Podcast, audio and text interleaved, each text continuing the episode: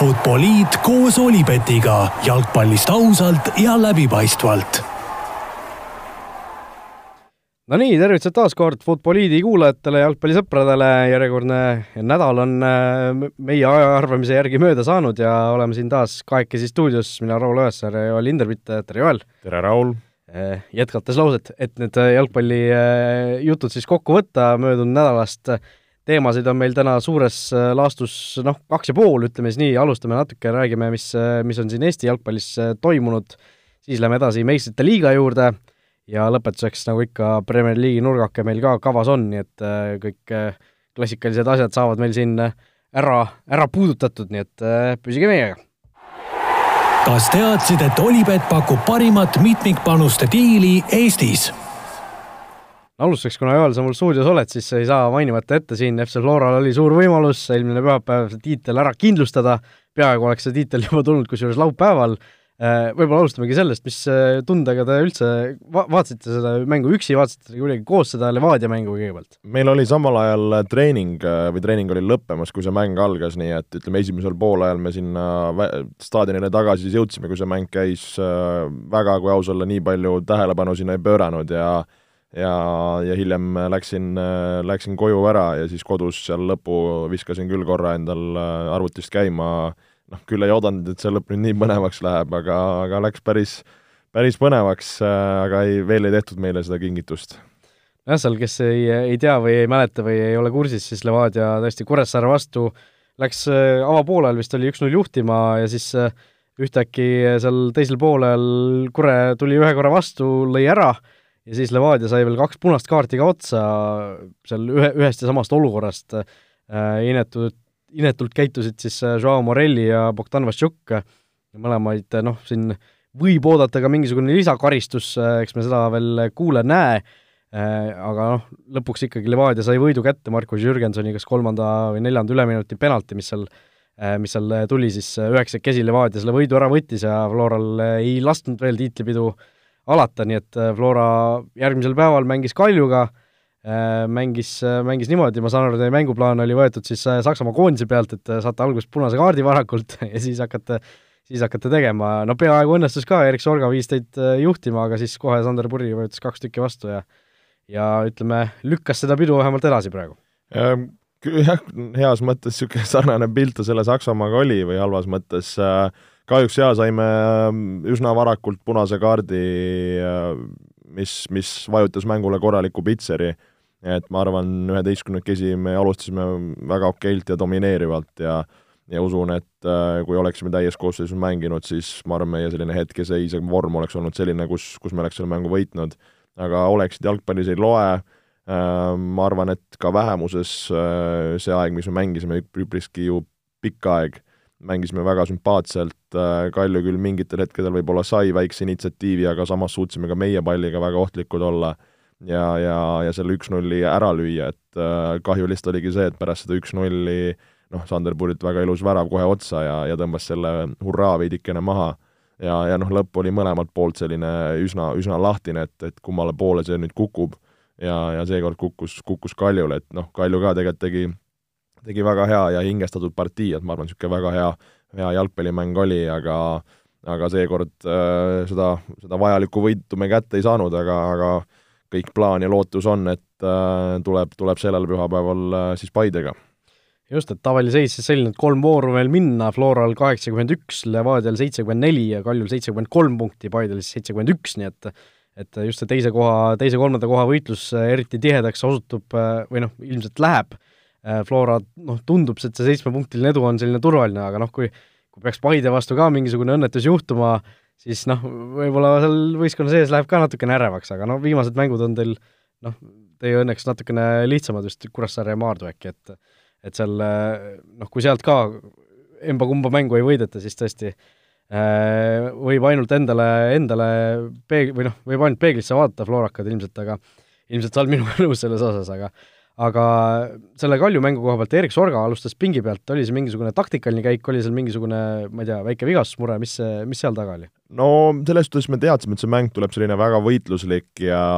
ja, ja teame, et niisugused äh, jõulised keskkaitsjad äh, Nõmme Kaljul on, et äh, otsustasime just äh, minna võib-olla allikuga alustada, kes, kes on selline, ütleme, kontaktis duellides tugevam ja, ja teadlikult võib-olla Eerikut jätta siis sinna mängu lõpupoole, kus need ruumid on suuremad, millest ta on osavam ja ja kus ta saab värskelt tulla siis neid keskkaitseid kollitama. et see meil plaanis ei olnud, et jääda kohe kiirelt vähemusse, aga aga noh, suures pildis võib öelda, et see, see käik toimis, Sorga tuli ja, ja kohe oma panuse nii-öelda esimese puutega vist. no praktiliselt, et nagu ta eelmine kord ka Hiiul tegi, et, ähm, et selles suhtes sedapidi ta toimis ähm, ja nii, nii nagu oli meie, meie plaan nagu nägi. Äh, no Eesti jalgpallist veel natukene, eile tegelikult üks niisugune väga huvitav mäng peeti Sportland Arenal UEFA Youth League U üheksateist vanuseklassile, siis selline moodustis esimest korda Eestisse jõudis, vaatasin just täna, et kaks tuhat kolmteist oli vist see, kui, kui esimest korda seda asja mängiti, on nüüd see võistlusformaat seal selline, et Eesti klubid saavad ka osaleda või noh, üks klubi siis,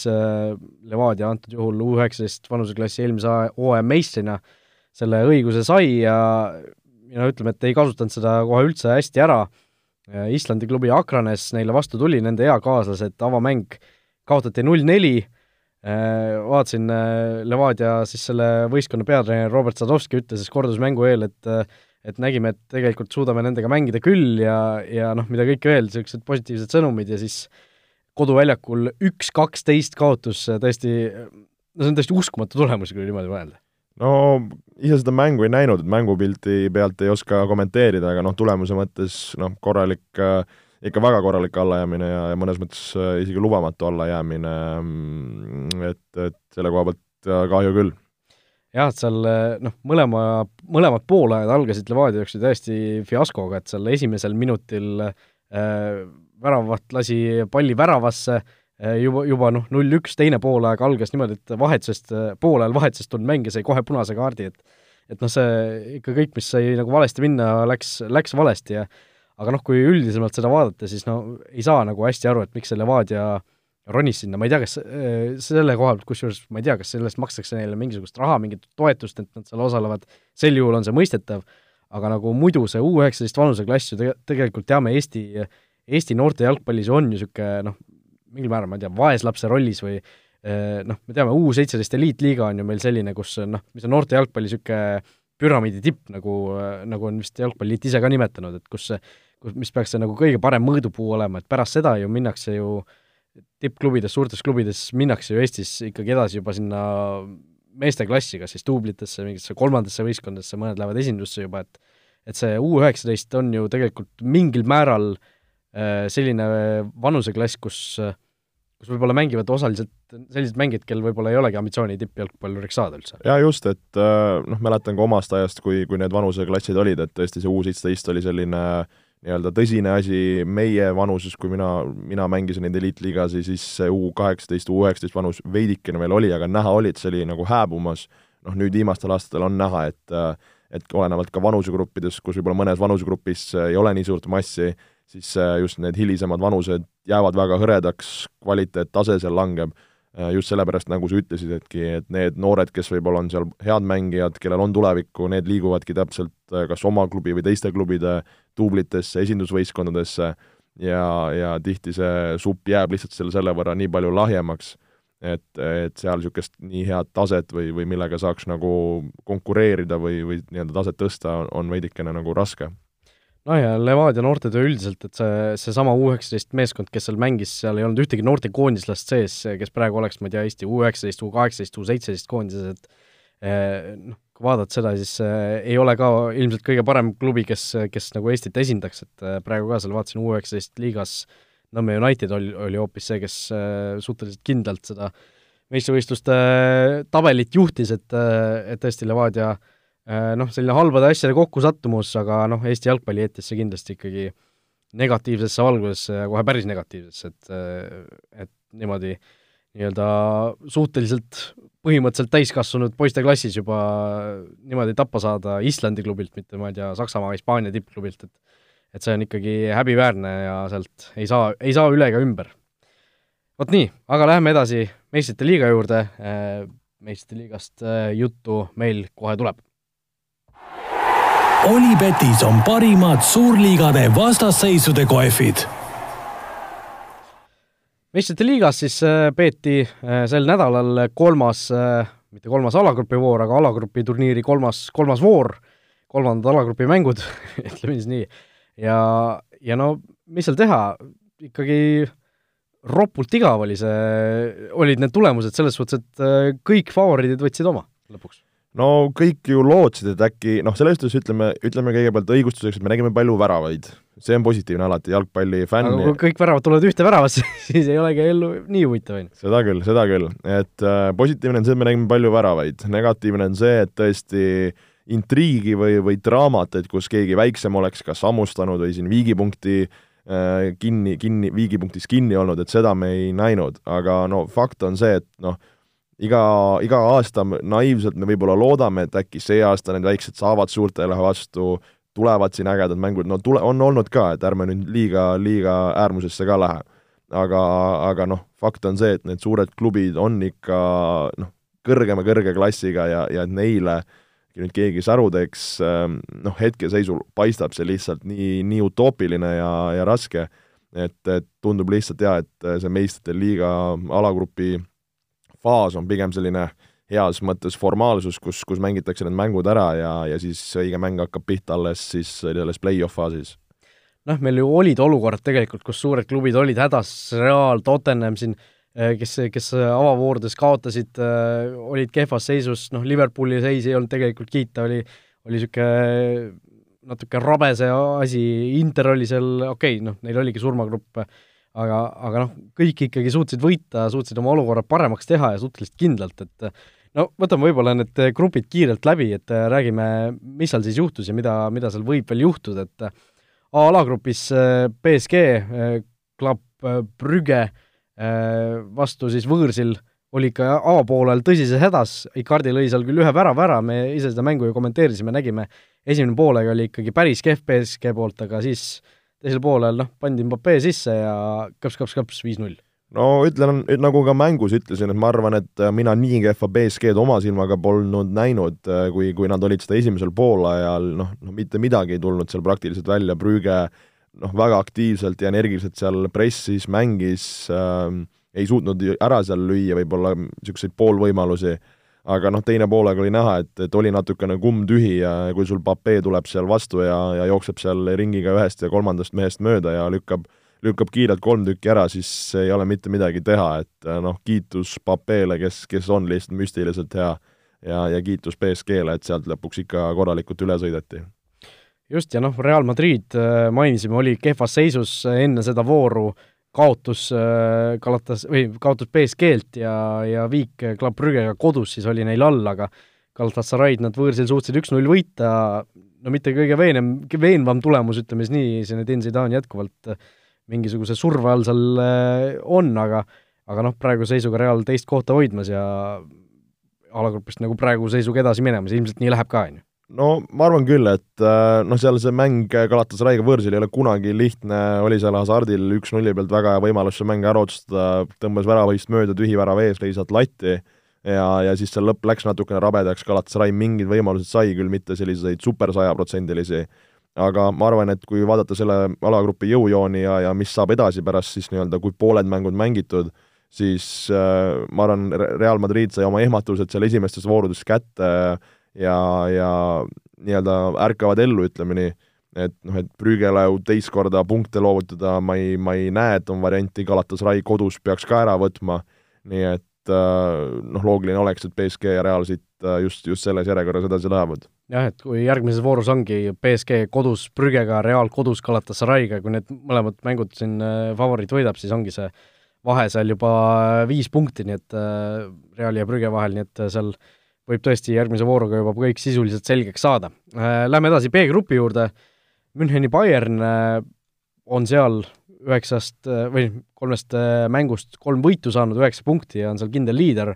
aga noh, see mäng olümpiaakose vastu tuli neil ikkagi päris keeruliselt lõpuks, et olid seal vahepeal kaotusseisus ja mida kõike veel, aga kolm-kaks lõpuks. No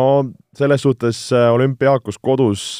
mäng, on näidanud, et nad suudavad tegelikult hästi mängida äh, ja mängisid ka Bayerni vastu väga hästi, aga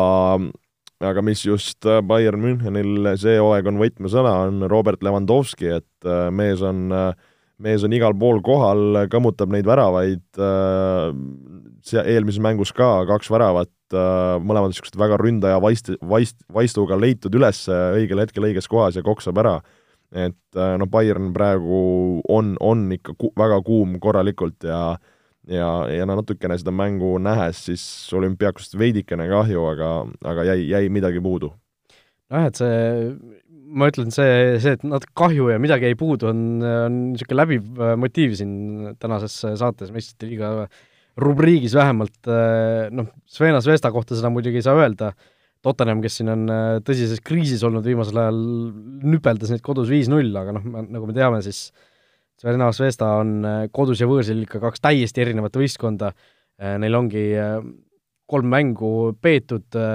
üks neist kodus, kenasti võidetud, kolm-üks olümpiaakost ja kaks võõrsil mängu, kus nad on saanud null kolm ja null viis. Et noh, kaks kodumängu Bayerni ja Tottenhamiga ootab veel ees, noh, me võime sealt loota ju, et äkki midagi tuleb, on ju, Liverpooli suudeti ka vist hammustada eelmine hooaeg ju kodus, et et isegi suuri, suurtele suudetakse vastu saada, aga noh, seal ei ole lihtsalt serblastel muud võimalust, need kodumängud tuleb ära võita, et mingisugust lootust neil oleks siin edasi pääseda, aga noh, praeguse Tottenhami juures muidugi äh, ei, ei pea isegi seda vahel tulemagi, et no selles suhtes jah, Tottenham kodus kõmmutas igast asendist ja oldi rünnakul väga kliinilised äh, noh, me teame, Tottenham võõrsil on, on hoopis teine võistkond samamoodi. Tot-, Tottenhami vahemärk on Tottenham üheksateist pealelööki, kaksteist värava peale, uskumatu ja tõesti, et äh, aga jah, et Sverna Zesta kodus äh, Tottenhami vastu see võõr, kui noh, nii-öelda Tottenham sõidab sinna, et äh, noh, kui me vaatame tabeliseisu, Tottenhamil hetkel neli, Sverna Zestal kolm, noh kui Sverna Zestat tahab siin Tottenhami kuidagi kõigutada, siis see oleks see koht, aga, aga kui sealt seda mängu kätte ei saada, siis, siis tundub, et isegi see kehv Tottenham, kes praegu on, peaksid Bayerniga siit edasi minema. See grupp, Manchester City, neil samuti kolmest mängust kolm võitu, üheksa punkti, nemad äh, võime siit juba ilmselt edasi kirjutada, väga palju siin äh, rääkida pole isegi mõtet, aga noh, teise koha peale ma arvan, et läheb ikkagi päris kõvaks heitluseks, sellepärast et ma ei usu ka, et Atalanta, kes siin Itaalias eelmine aasta esinelikusse tuli ja on sel, sel aastal ka tegelikult sinna, sinnapoole teel, ma ei usu, et nad päris viimast sõna veel öelnud on, kuigi see algus neil on olnud ikka päris kohutav, et et kaotasid siin ju kõik kolm mängu esimest, aga noh, Zagrebi Dinamo ja Donetski Šatar Äh, omavahel mängisid viiki selles voorus. Äh, ja võiksid justkui jagada selle teise koha ära, aga noh, Atalanta, ma ei, ma ei julgeks päris nagu veel välja, välja arvata neid. no ma selles suhtes arvaks nad välja, et nad edasipääsu peale ei võitle, küll võib Atalantat äh, selles suhtes sisse arvata, et kas nad Dinamot või Šahtari võivad kedagi hammustada ja see siis selgitab välja selle, kes läheb teisena edasi. Äh, kui vaadata Dinamo Šahtari vahelist nii-öelda duelli, noh, Šahtar mängis kodus äh, kaks-kaks siis, nagu sa ütlesid, äh, Dinamoga ja noh, Dinamol oli seal lõpus tegelikult päris magusad võimalused seda mängu ära otsustada, et kui see nii-öelda see muster peaks jätkuma ja Dinamo mängib järgmises voorus Šahtariga kodus ja nad selle ära võtavad, kodus just, mis, mis no see on edasipääsulahing. et see on edasipääsulahing, et kui nad selle ära võtavad, siis, siis mina ütleks, et läheb edasi Dinamo ma ei tahaks uskuda, et seal kuskil Šahtar kedagi sitit või kedagi üllatab, et äh, mina paneks oma, oma panused võib-olla Dinamo peale. no võib-olla seal Cityl äh, see olukord tekib äh, muidugi jällegi selline, et nad võivad seal viimases voorus olla juba, viimastes voorudes isegi olla edasipääsu juba kindlustanud, viimased kaks mängu on neil siis võõrsil Dinamoga ja, ja kodus Šahtariga et kas, kas mitte City ja Šahtar eelmisel hooajal ei olnud a la umbes koos ja Šahtar seal võitis Cityt viimases voorus või see oli kaks aastat tagasi, midagi midagi taolist oli tõesti. et seal, see võib tegelikult mingisugust rolli seal mängida, aga ma ikkagi arvan, et Dinamo läheb siit äh, City kõrval edasi, aga ma arvan, et Atalanta mingil määral äh, vähemalt sekkub sinna võitlusse, vähemalt tuleb siis lähemale, kui nad praegu on nelja punkti kaugusel. D-grupp, Juventus, Atletico, Moskva Lokomotiiv ja Leverkuseni Bayer äh, Juventus ja Atletico seal kindlalt edasi minemas, no ei ole seal ilmselt küsimust? no tabeliseis seda näitab mõlemad seitsme punkti peal, Lokomotiiv kolme punktiga kolmandal kohal, no oli ju Juventus Lokomotiiviga noh, üllatavalt hädas, kaks-üks võit võeti, et ähm, et noh, ei näe, et sealt keegi, keegi kandele astuks, Bayer Leverkusen ka, keda oleks võinud arvata, et võiks hakata siin kaarte segama, pole seda teinud. äh,, Atletico viimases mängus siis Bayerni, Bayerni kodus üks-null ära võttis, üsna selline noh, ei saa öelda, kas kesine mäng on võib-olla vale öelda, aga, aga oleks oodanud võib-olla rohkem tulevärki seal, kui, kui, kui arvata oli, minu no, puhul näiteks. no Atleticu puhul ma jällegi vasta- va,, vaidleks siin vastu, et Atletico tegelikult on ju äh, viimastes mängudes üldse olnud väga-väga väravate vaene, et nad on koduliigas ka siin järjest mingisugused null-null ja üks-null mänge teinud, et et äh, kui vaadata noh, viimase, ma ei tea, üks, kaks, kolm, neli, viis, kuus, seitsme mängu peale on nende mängudes kokku üldse löödud Äh, vist seitse väravat ongi, et seal on kolm null nulli sees viimase seitsme mängu peale, et nad, nad ei, nad ei löö ise palju väravat, aga need, nad ei lase endale ka lüüa, et äh, see ongi neil praegu niisugune äh, võtmesõna olnud, et kui nad selle rünnaku käima saavad, siis noh, siis on midagi oodata neil. jaa, ega Joao Felix ju viimases mängus ei mänginud, et kas, kui õigesti mäletan, tervisega mingid, mingid mured sellel noorel talendil on, et, et kindlasti ka teda oodatakse tagasi, et tuleks ja, ja paugutaks ja, ja Morata ja Diego Costa see duo pole nagu veel hästi tööle hakanud, et et mine tea, kas üldse hakkabki, et seal Simeonel on kindlasti äh, ütleme, sellist mõtteainet kõvasti, aga, aga noh, meistrite liigas ei tohiks mingisuguseid edasipääsuprobleeme siin tekkida. E-alagrupp äh,, Napoli, Liverpool, Salzburg, Genk seal mängivad äh,, no tuli jällegi see, et jube kahju,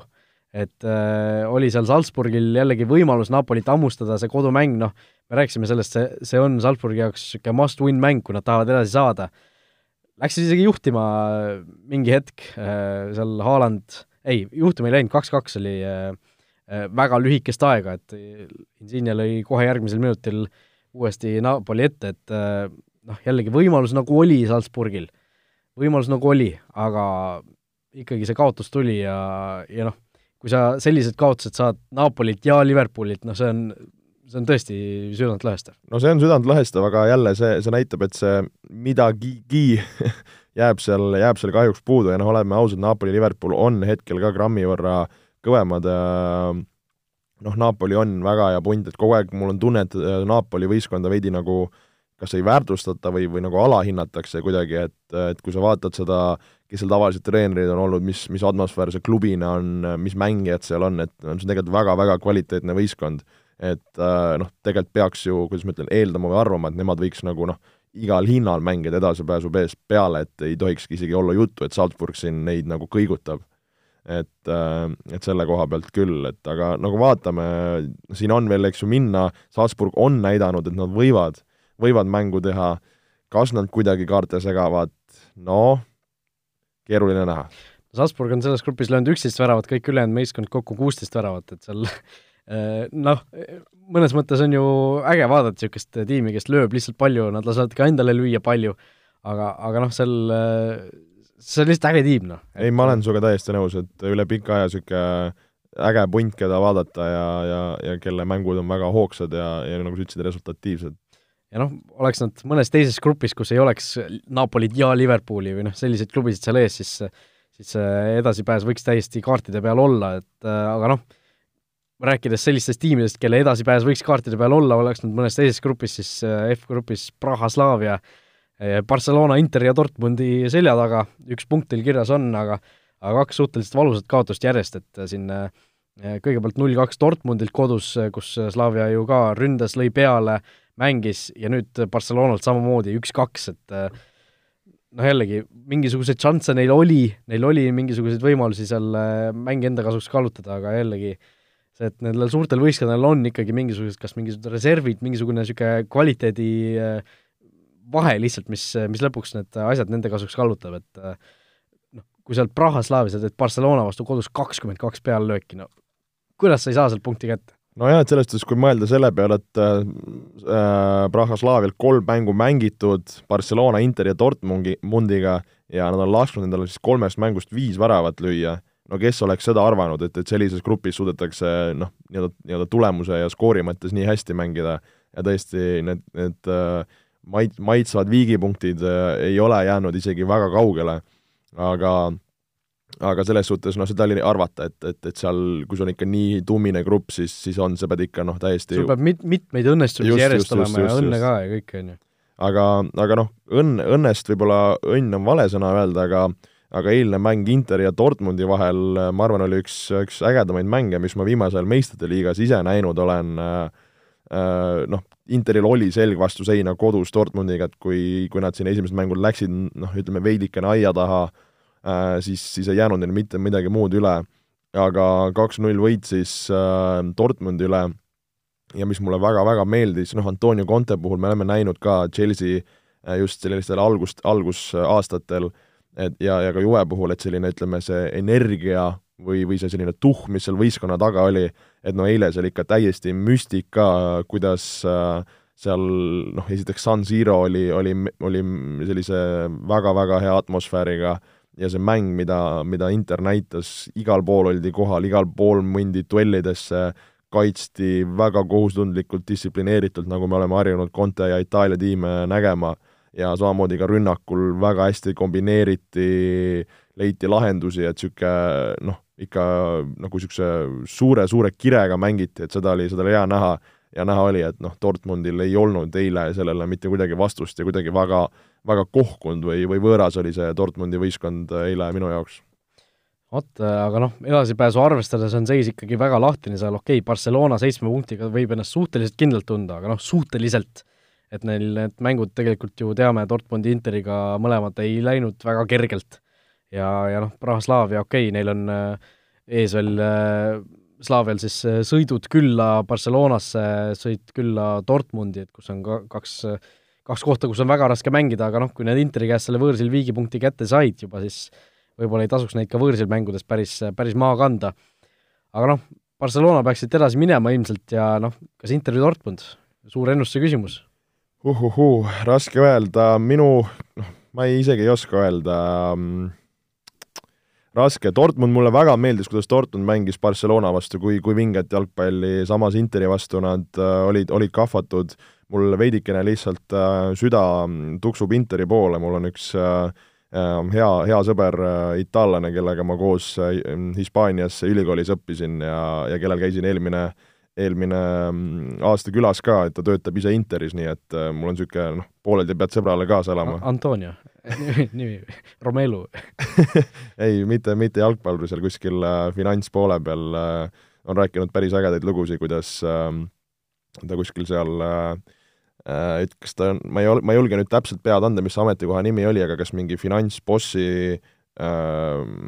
abi või mingi selline, et kõige kõrgemal korrusel seal toimetab, kus siis igapäevaselt äh, see omanik, kes on vist kas äh, Jaapanist või, või Hiinast, ma nüüd ei olegi täpselt kindel, kes, äh, kes käib seal ringi, noh, Javier Zanetti pidi vice-president olema, ja siis rääkis mulle, et jaa, et Javier Zanetti, et üli-chill vend, saadab talle vahepeal sõnumeid ja asju ja niisugune mingi dogimine käib, siis ma kuulan teda, mõtlen, et no kurat küll, et hea elu sul, et seal et kuskil seal jõulupeod, asjad, meeskonnad asjadega, et äh, päris kadedaks tegi, nii et jah, minu süda natukene tuksub sinna Interi poole. no ja ka mi-, ma siis teen niisuguse väikse provokatsiooni, nagu mul kombeks on siin Barcelona vastu, et ma loodan hoopis, et Bars-, äh, Borussia ja Inter lähevad edasi ja Barcelona jääb, jääb välja. no seda loodame muidugi, me muidugi kõik, et et noh, ütleme siis, et võik-, võiks nii minna, aga, aga jube raske on praegu seda nagu näha. aga samas võib-olla ei ole ka, et Barcelona Dortmundi vastu ikkagi pääses võõrsilt ju viigiga ja noh, ega see Interi kodumäng ka neil kõige parem ei olnud, et võib-olla jah, äkki isegi on, on nagu mingi variant õhus, et see oleks muidugi suht äh, fenomenaalne, kui sa kolme mängu järel seitse punkti oled teeninud ja siis lõpuks A-grupist välja jääd. aga noh, eks me näe, jalgpall ja meistrite liiga on meile palju pöörasemaidki asju pakkunud kui siis see G-grupp näiteks, mis on järgmine, kus tõesti ei ole ühtegi seda suurt äh, kuulsat tiimi, klassikalises mõistes vähemalt äh,, aga on neli väga ühtlase, ühtlase see, või noh, niisugune väga ühtlane neljane seltskond, sinna võiks panna nii siis selle Praha-Slaavia kui Salzburgi minu poolest, äh, seal nad võiksidki edasi pääseda äh,. Leipzig on siis seal kahe vooru järel saanud kaks võitu Äh, ja on kuue punktiga alagrupi liider, see, seejärel tulevad siis Peterburi seniit ja Lyon nelja punktiga ja ja Benfica, kes ka nüüd silma pähe sai ka-, kahe suhteliselt sellise ilmetu kaotuse järel, äh, on siis kolme punkti peal neljas, noh, seal endiselt täiesti niisugune, niisugune alagrupp, kus kõik võivad edasi minna, kõik võivad välja jääda, et võrdne nelik. no olen sinuga nõus, et äh, noh, seda oli kohe teada, et see kõige sellisem ühtlasem on, äh, ei julge mina praegu ka siin anda kellelegi väga suurt eelist või, või, või öelda, et kes siin sellise esi-, esimeste äh, jõujoontega nagu võiks välja paista, noh, Leipzig kuue punktiga, nad on noh, iga punkt tundub, et siin alagrupis on, on tähtis, et see, et nad on seal siis Zeniidi ja Lyon, Lyoni ees kahe punktiga ja Benfica ees kolme punktiga, et see mingi edu nagu võiks sisse tuua, aga noh, kui sul on need omavahelised mängud kõik ees, mis võivad ühte või teistpidi minna, siis äh, jätan siin praegu Hiromandi töö tegemata ja, ja ütlen, et vaatame, kes siit edasi läheb vaatame ja näeme, kõige põnevam lause, on ju. Äh, ja viimane H-grupp, äh, Chelsea sai siis äh, päris magusa võidu Ajaxi üle ja tõusis tabelis liidriks, Ajax siis kodus null-üks kaotas ja nende järel siis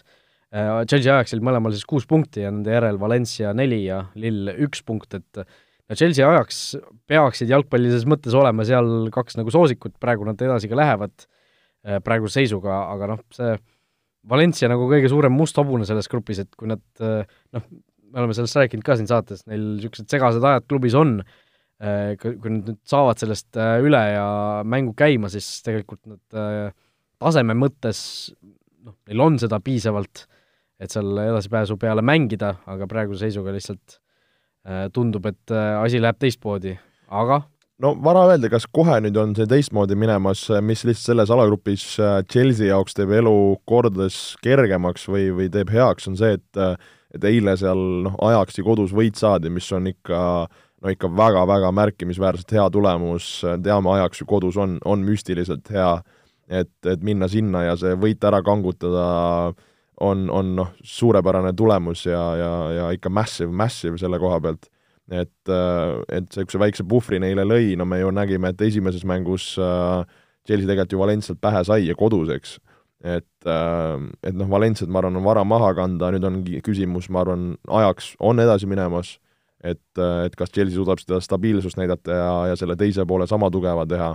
aga, aga jah, Chelsea ajaks võib-olla praegu on lihtsalt kõige parema sellise stardipositsiooniga enne seda, enne seda praegust siis äh, nii-öelda suusa, suusavahetust just nii, äh, sellised olid meistrite liiga jutud, läheme siit tasapisi edasi juba Premier League'i poole.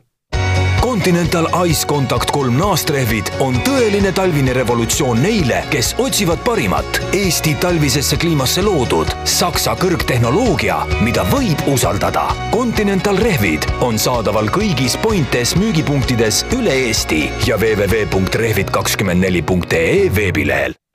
vot nii Premier League äh, on siis jõudnud äh, sinnamaale, et meil on mängitud äh, üheksa mänguvooru, eelmises voorus oli noh, vooru naelaks kindlasti siis Manchester Unitedi ja Liverpooli mäng, mis lõppes siis lõpuks noh, skandaalse üks-üks viigiga, Liverpool siis esimest korda sel hooajal koduliigas kaotas punkte, United seal suures relegatsiooni heitluses sai väärt viigipunkti juurde, no Joel, mis sellest mängust sulle kõige eredamalt meelde jäi? no kõigepealt korra, kui nagu mõelda veidi nii-öelda välja suumida ja mõelda selle mängu peale, siis seda ju furoori asja oli, oli kõvasti igalt poolt ja, ja tehti siin Manu üle kõvasti nalja, et äh, mis nagu meelde jäi või, või mida välja tuua, ma arvan see, et noh, seda oli teada, et United kodus maksku mis maksab Old Traffordil Liverpooli vastu, ükskõik kui kehvas vormis nad on või ei ole, nad tulevad sinna täiega panema, nad tulevad seal oma hinge, hinge sinna mängu nii-öelda sisse panema ja, ja ja seda nad tegid ja, ja kui üks võistkond on sellise suure tahtmise kirega peal, siis äh, noh, vastasena sa pead tegema kas, kas väga hea partii või olema veel suurema nagu sellise kirega, et seda kirge Liverpooli puhul äh, selles mängus nii palju näha ei olnud, ähm, osalt seetõttu ka, et United seda korralikult nii-öelda tõmbas alla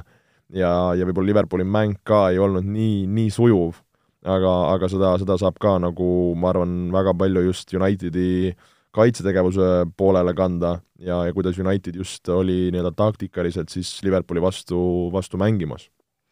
no suur äh, ta-, taktikast äh, oli meil natuke enne eetriväliselt ka juttu, et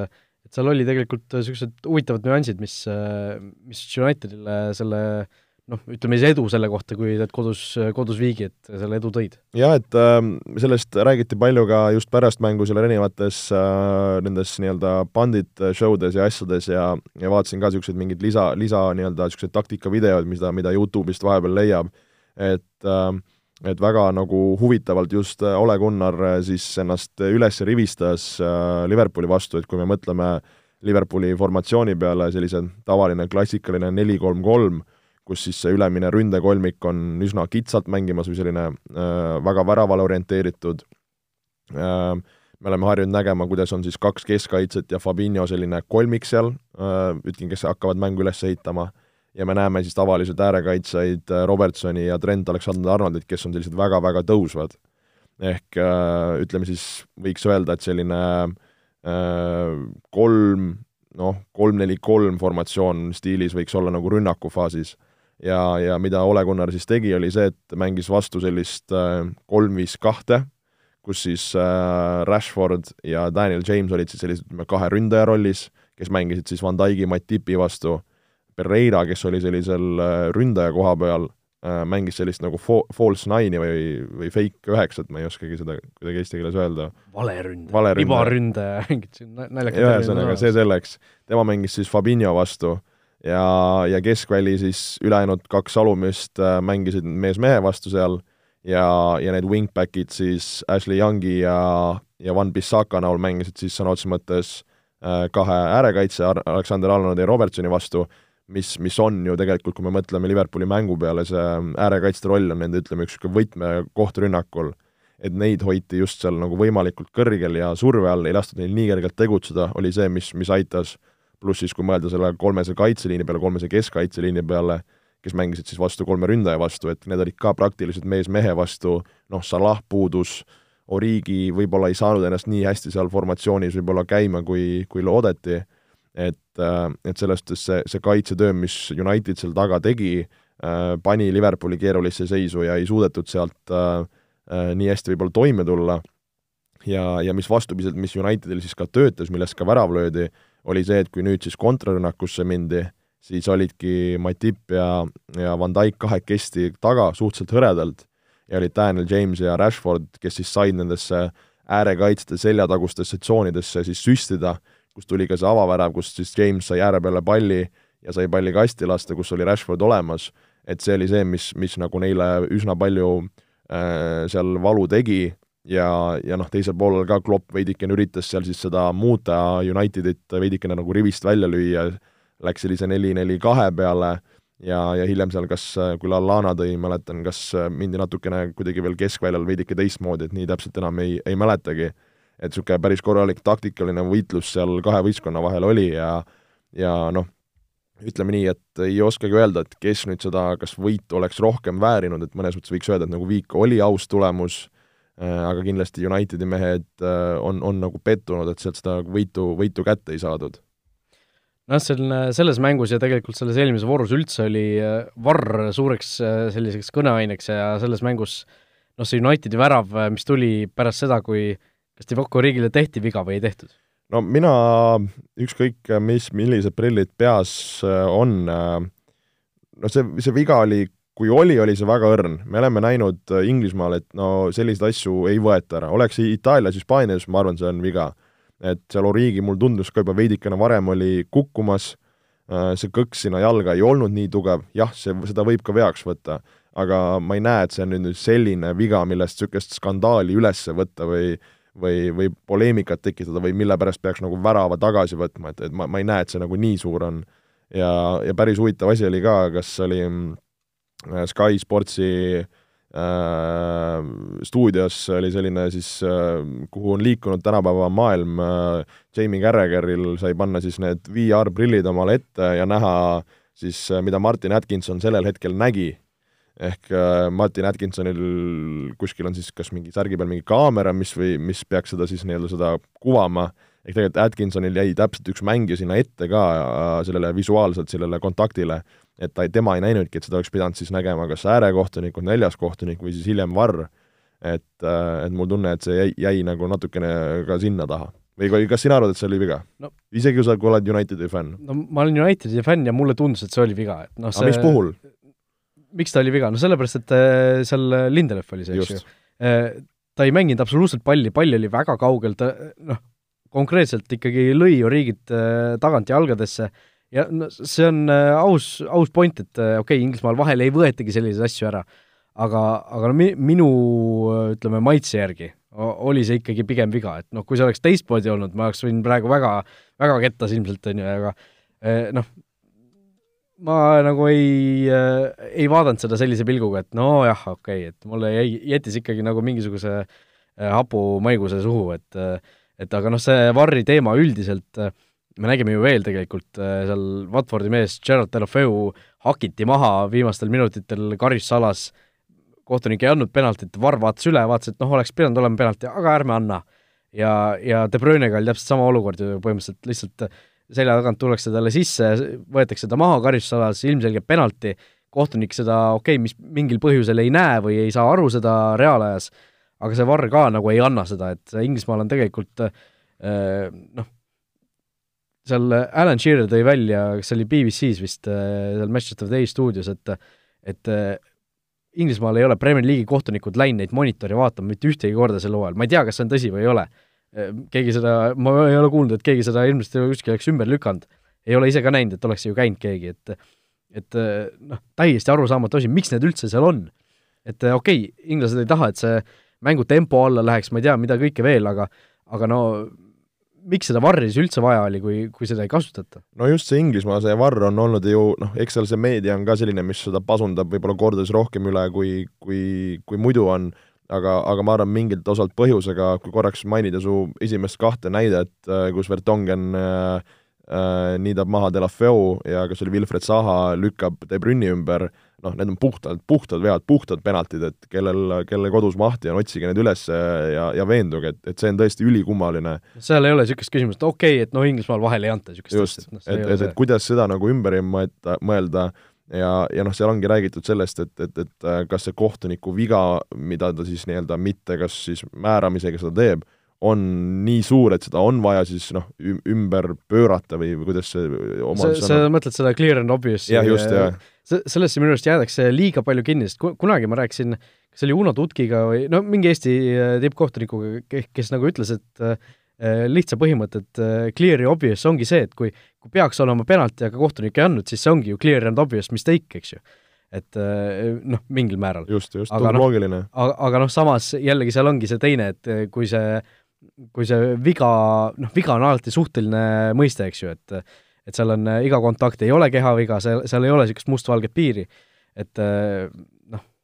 seal jällegi on, kuidas sa tõlgendad seda asja, kuidas sa võtad seda,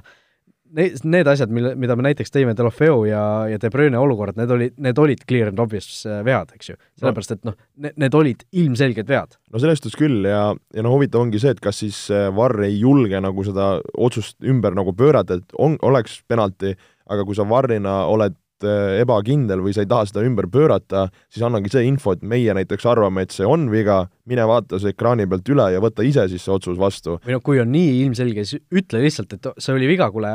pole vaja monitori tulla vaatama, anna penalti ära, noh. jaa, et see, see, see on tõesti, no oleks huvitav kuulata niisuguseid mingeid põhjendusi või, või seletusi, et et noh, need noh, suluseisude kohta on ka siin olnud, eks ju, erinevaid äh, neid äh, vandenõuteooriaid, et mis hetkel see pall nüüd sealt jala juurest lahkub või puude on ja, ja kas see mingid kaadrid pannakse seisma, et mis just, kaadri peal täpselt on ju. et, et sellega on ka poleemikat, et sellesse ma nii palju ei laskuks võib-olla, aga, aga jah, et need, need olukorrad on küll veidikene võib-olla segadust ja furoori tekitanud küll. Football Weekly podcastis äh, öeldi hästi selle kohta, et äh, Varr on nagu äh, mingil määral võtnud äh, ära selliseid asju, mida keegi ei tahtnud, et VAR võtaks, no täpselt need mingid millimeetri suluseisud ja sellised asjad, aga nagu ei käitu õigesti nende puhkudel, äh, milleks nagu VAR üldse toodi, kui ongi noh, kohtunikul jääb mingisugune penalti kahe silma vahele, ta ei hinda midagi õigesti, et sellised asjad on nagu jäetud sisse, et see äh, tõesti on see on päris hästi öeldud, ma olen nõus sinuga. on nagu rohkem segadust tekitanud mingil määral, kui kui kui niisugust klaari, klaarimist või asjade klaarimist, et äh, see on tõesti olnud suur äh, probleem, aga noh, kui minna selle järgmise vooru juurde, Premier League'i kümnenda vooru juurde, siis äh, neid mänge on siin nagu ikka kümme tükki tulemas, juba reede õhtul algust tehakse vooruga Southampton-Lester mänguga. no kõige, kiirelt võib-olla Lesterist ka, kuna nad juba ju ikka päris tükk aega seal tippkonkurentsis on püsinud esikolmikus kolmandal kohal nad hetkel, Southampton samal ajal seitsmeteistkümnendal kohal, et äh, noh, Lesteril järgmine võit soolas või? kindlasti, kindlasti soolas, viimases mängus Burnley vastu kaks-üks võit tuli, Jamie Vardi sai seal jälle värava kätte väga uhke äh, pealöögiga, et äh, tundub, et see Lesteri rong, rong sõidab täis, täistuuridel ja aurudel ja, ja ma ei näe, et siin Southampton, kes on olnud üsna, üsna kesine, et, et sealt ka punktide kaotust nende puhul tuleks minnes edasi laupäeva juurde, Manchester City, Aston Villa, noh, City kohustuslik võit on ju niisugune mäng, mida City tavaliselt võidab väga kindlalt, aga noh, sel hooajal oleme näinud kaks korda juba, kuidas nad ikkagi libisevad niimoodi, et libisevad lausa kaotuse endale, et et need City sellised kindlad võidud ühtäkki ei, ei tundugi enam nagu nii raudkindlad, aga no Aston Villa kodus peaks olema ikkagi niisugune mäng, mis sa võtad, võtad kinni silmi ära Peep Guardiola mängijana. Burnley Chelsea laupäeva õhtul, no ei ole ilmselt päris nii niisugune üks-ühene asi, aga noh, väravaid võib seal ilmselt oodata. väravaid võib oodata, eks ole näha, palju see nüüd see Äh, meistrite liiga mäng ja kogu see reisimine ja see trall nüüd Chelsea võistkonnale mõjub, et äh, et äh, kindlasti on see väsimuse mm, faktor siin, siin mängib ja kindlasti räägib Chelsea jaoks see, et see mäng on võõrsil ja, ja Burnley kodus on, on tegelikult tugev, et, et see, kui me räägime Chelsea puhul, on niisugune noh, ütleme jällegist järjekordne tõekspidamise mäng. Äh, et kuidas, kuidas need võidud, võidud ära võtta, noh Chelsea puhul me oleme äh, rääkinud, et tegelikult äh, ka, et see võib-olla, kui me rääkisime siin neid lati alt läbihüppajaid ja ülehüppajaid, et, et me ei saa väga palju kinni jääda just nendesse esimestesse mängudesse, kuna mõndadel on graafik olnud kergem, tugevam, siis kui me vaatame ka Chelsea võite Newcastle'i üle Southamptoni, Brighton Hove, Wolves ja Norwich City, ehk need kõik on tulnud praktiliselt ütleme siis tagumise otsa vastu, välja arvatud siis võib-olla Wolverhampton no kes on praegu kolmeteistkümnendal kohal. kes ka praegu tegelikult, eks ju, on. et äh, noh, Burnley praegu kaheksandal kohal ja, ja mängimas niisugust äh, noh, okeid mängu, et, et see nii-öelda noh, tabeli ülemine pool, nüüd on vaja ka sealt neid võite võtta, mitte ainult alumiste vastu. ma arvan, et seal Chelsea seda mängu ei võida, äh, minnes edasi pühapäeva poole, kus on ka päris palju põnevaid kohtumisi, Arsenal võtab äh, Crystal Palace'i vastu, räägime sellest mängust kõigepealt. Arsenal kõigepealt esmaspäeval äh, siin äh, lasi niisuguse paukpadruni, tundub äh,, salvest välja Sheffield Unitedi vastu võõrsil äh, üks-null kaotus äh, neile tabelisse läks äh,, sellest hoolimata Arsenal viiendal kohal endiselt on, aga Sheffield äh, kõige parema kaitsega meeskond liigas äh,, uskuge või mitte, vähemalt sisse lastud väravate arvelt, Liverpooliga nad võrdselt äh, selles arvestuses on, üheksa mänguga ainult seitse väravat endale lasknud lüüa, nii et üheksas koht äh, Chris Wilderi tiimile väga niisugune korralik algushooaeg. no me oleme Sheffieldist rääkinud, et nad on äge punt ja, ja kodus, kodus eriti, et äh, noh, Arsenal selles suhtes teeb oma jälle, et nad tahavad siin suurt mängu kuidagi mängida, siis sõidavad külla Sheffieldile ja tulevad sealt nullpunktiga tagasi, et noh, selles suhtes täiesti lubamatu nagu nende koha pealt vaadatuna et äh, neid äh, mängu highlight'e vaadates ka, noh, Arsenal raiskas seal, oli Pepe praktiliselt tühja värava ees, ei saanud pallile pihta, aga, aga Sheffield äh, standardist sealt ära suskas, Arsenal on olnud juba, juba kümnendaid raskusi standardolukorda kaitsmisega, et see, see triangel tundub, et ei lõpe. et, et jaa, ei, tuleb Sheffieldit kiita ja äh, ja äge, et nad suudavad praegu siin kaarte segada ja vaatame, palju nendel nii-öelda, või kaua need tiivad siis neil ka kannavad. no vooru põhimäng, ütleme siis nii, Liverpool-Tottenham äh, tõotab ka päris äh, põnev andmine tulla selles suhtes, et palju see Liverpool siis lööb Tottenhamile, et äh, Bayern suutis seitse ja see oli siis Tottenhami kodumängus, et, et palju siis Liverpool paneb, et näed sa, et Tottenhamil siin mingisugust võimalust üldse? No Tottenham nüüd väikse sellise kergenduse seal meistrite liigas sai, millest me ennem rääkisime, küll kergendust ei tulnud neil eelmises voorus äh, Watfordi vastu, kus kodus mängiti üks-üks. Ja, ja seda mängu vaadates äh, no ütleme nii, et Watford oli parem võistkond oli parem võistkond paremate äh, momentide poolest, mis neil tekkisid ja kaheksakümne kuuendal minutil alles Dele Alli selle viigivärava kätte sai ja noh, siin me sellest nendest penalti olukordadest ja muust asjadest tegelikult rääkisime. oleks pidanud Watford saama penalti just, ja just. ilmselt selle mängu võitma. et, äh, et see mäng oli noh, Watford, kes, kes on võib-olla isegi kõige rohkem hädas olnud siin sellel hooajal ja kui sa ei saa nagu täiesti hädas olevas võistkonnast kodus jagu või, või, või võtad selle ikka väga vaevalt selle viigi,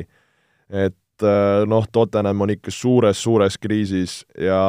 ja no ma nüüd tahaks näha, et kui sellise mängu eel Liverpooliga Anfieldile minna, no siin ongi kaks varianti, et kas nad on, panevad lihtsalt äh, nii, kuidas torus tuleb ja nii täiega ja nagu sarnane, nagu võib-olla oli selline äh, Manchesterini mäng, niisugune väga hingestatult ja, ja, ja nüüd näitavad, et me peame ikkagist mängima ja oleme suur võistkond või on siis vastupidi, et nad on nagu täiesti kehvad, loiud ja tuleb niisugune korralik sahmakas Liverpooli poolelt. et ähm, et ma arvan, siin on nagu niisugused kaks äärmust, et sellist vahepealt, et Tottenham teeb niisuguse tubli mängu ja tubli tulemuse, et seda ma nagu ei, ei näe.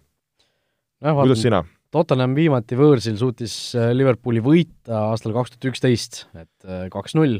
kes lõid toona mängus väravad. kaks tuhat üksteist ütlesid sa või? uhuhuu, see on ju kaks keskpoolkaitset. Kaks keskpoolkaitset.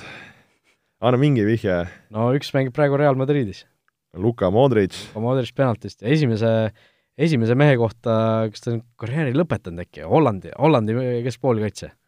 Hollandi keskpoolkaitse. jah, on karjääri lõpetanud, viimati äh, Taani kõrgliigas Esbjergis. hollandlane. Rafael van der Vaart. oi issand, tõesti selline mees ka, õigus. Tuleb praegu, praegu välja, et ta mängis Esbjergis siis Taani kõrgliigas viimati. oli ka Real Madridi mees? kaks tuhat kaheksa, jah, kunagi tõesti, et Äh, jah, sellised, sellised jutud siis äh, või noh, sellised, selline ajalugu siis sellel vastasseisul on. ja tegelikult ka ju Tottenham niisama võõrsil ju olnud ju kohutav, et sellest ja. me oleme ju rääkinud äh, korduvalt, et äh, oi, kardame, kardame Tottenhami puhul. et sealt jah, tõesti, Liverpoolilt võit võib tulla, aga selle mängu kohta tegelikult on, on meil ka tänane Olibeti äh, uue kliendi pakkumine. Äh,, Äh, ja pakkumine on siis pühapäevasele Premier League'i mängule Liverpool versus Tottenham, täpselt see, millest me just rääkisime, ja on siis äh, Olipet võimendanud mõlema võistkonna koef, koefe,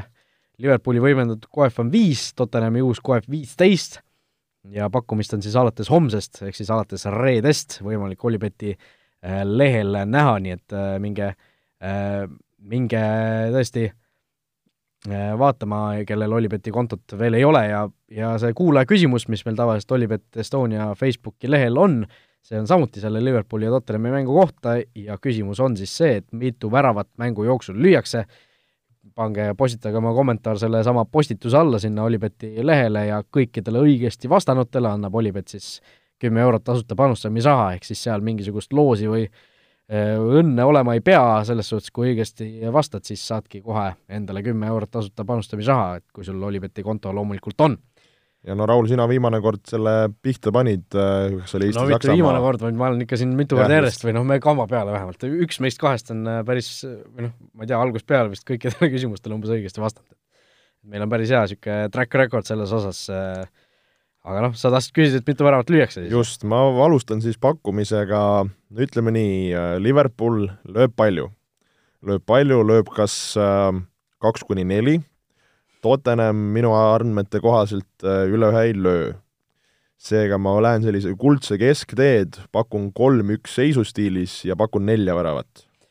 mina ütlen, et lüüakse kolm väravat ja kõik lööb Liverpool. et see kolm-null tundub niisugune loogiline tulemus mingil määral selle äh, selle kohtumise peale, samas kui sa mõtled, Liverpooli see hoog on nagu raugema hakanud viimasel ajal natukene, koduliigas ka, noh, see üks-üks nagu pani sellele seeriale ka punkti, võib-olla mingisugused, samas noh, ei tea, vahel see nagu äh, just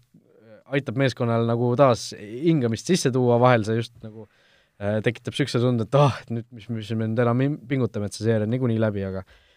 aga no ma arvan, et ikkagi kolm-null võit, Jürgen Klopp suudab meeskonna üles putitada ja seal, seal niimoodi see asi läheb aga see voor, voor, uus voor ei ole meil veel päris läbi võetud, äh, pühapäeval siis veel Norwich ja Manchester United, kas Teemu Pukki paneb peo püsti taas? no mina Teemu Puki Fantasy omanikuna väga loodan, äh, on mees juba päris pikalt äh, nulli peal olnud, see, ütleme, see pauk, millega Norwich Premier League'i tuli ja siin maastikku raputas, on nüüd ikka viimasel ajal korralikult raugenud, viimasest viiest mängust kolm kaotust, Äh, üks, üks viik, üks võit, no ja see viik, vabandust, see võit oligi siis see ammune Manchester City vastu. et, et pärast seda ei ole kuidagi nagu, nagu mängu saadud, noh, United, kas nad suudavad sellist head energiat edasi kanda, noh, võõrsil mängida Norwichi vastu ei ole, ma arvan, lihtne, aga ma tahaks uskuda ja loota, et äh, United äh, saab sellise